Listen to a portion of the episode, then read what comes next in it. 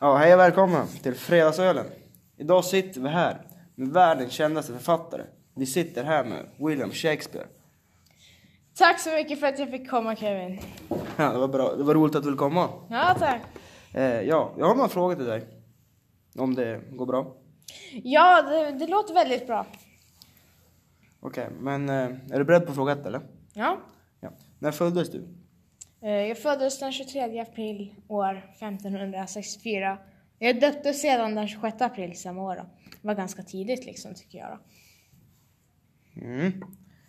Jajamän, ja ja. Eh, jag behöver inte gå in på när jag föddes för det är helt osin- osannolikt. Men är du beredd på fråga två? Ja, kör. Eh, hur var din uppväxt? Ja, jag växte upp i Stratford i England som ung med min mor Mary Arden som tillhörde en besutten eh, katolsk släkt. Som, eh, och min far John Shakespeare som var handskmakare och fastighetsägare. Jag hade två äldre systrar som båda avled vid ung ålder. Eh, jag hade dessutom tre yngre bröder och två yngre systrar. Men det må väl ha känts jättejobbigt att du avled? Eh, Ja, det kändes väl då. Det, det är ju lite lättare nu när det har gått ett tag. Ja. Ja, men jag beklagar i alla fall. Eh, hur började din karriär? Eh, jag började själv inom teater eh, och valde att resa med en grupp som jag mött i Stratford. Även om teater är ett väldigt ovanligt val för någon i min position, liksom, jag är, jag är ganska, jag har en ganska rik eh, familj, så det är inte så många som gör det då, så var det det jag valde. Jag valde senare att börja skriva mina egna pjäser, vilket är när min framgång började. Jajamän. Eh, tre, eh, Har du varit gift?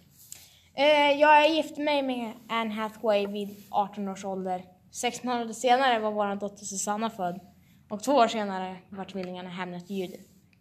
Nej men, hörru du. vilken är den bästa du tyckte du har skrivit? Tobias?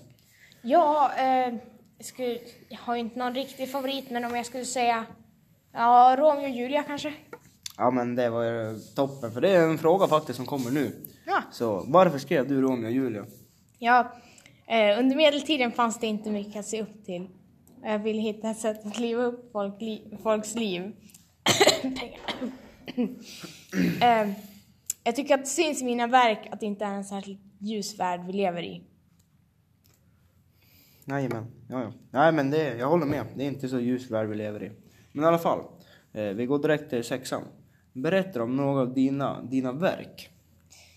Ja, jag har ju skrivit väldigt många verk som till exempel Hamlet, En midsommarnatt, As you like it och Pericles. Eh, och som jag sa så är min typ favorit Romeo och Julia. Och den, jag tycker att den har en väldigt speciell historia. Den handlar ju om den eh, kärleken mellan en man och en kvinna som på grund av deras familjer avsky, familjers avsky mot varandra inte kan vara tillsammans. Jag tycker att det, det får en att se världen i ett helt nytt perspektiv från hur man eh, tidigare trott att det varit. Okej. Eh, jag tänkte eftersom du skrev så, så om Romeo och tänkte, har du varit med om det? Eh, själv nej. Nej. Men du, så du skrev det för att du vet att några andra människor kanske varit med om det? Ja. Så du vill få ut det?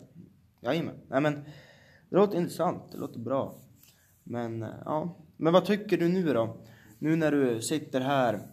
Är det någon skillnad på världen nu när du sitter här från den året du föddes? Eh, ja, jag skulle ju lätt kunna säga att ni verkar ju ha eh, mycket bättre teknologi. Heter det det? Ja, det heter det. Ja, bra. Kom ihåg då. Jag berättade ju om det här lite innan. Mm. Mm. Ehm, och eh, sjukvården eh, verkar ju vara lite bättre också. Ja, det har ju utvecklats efter några, några år i alla fall. Och det går ju framåt om man säger så.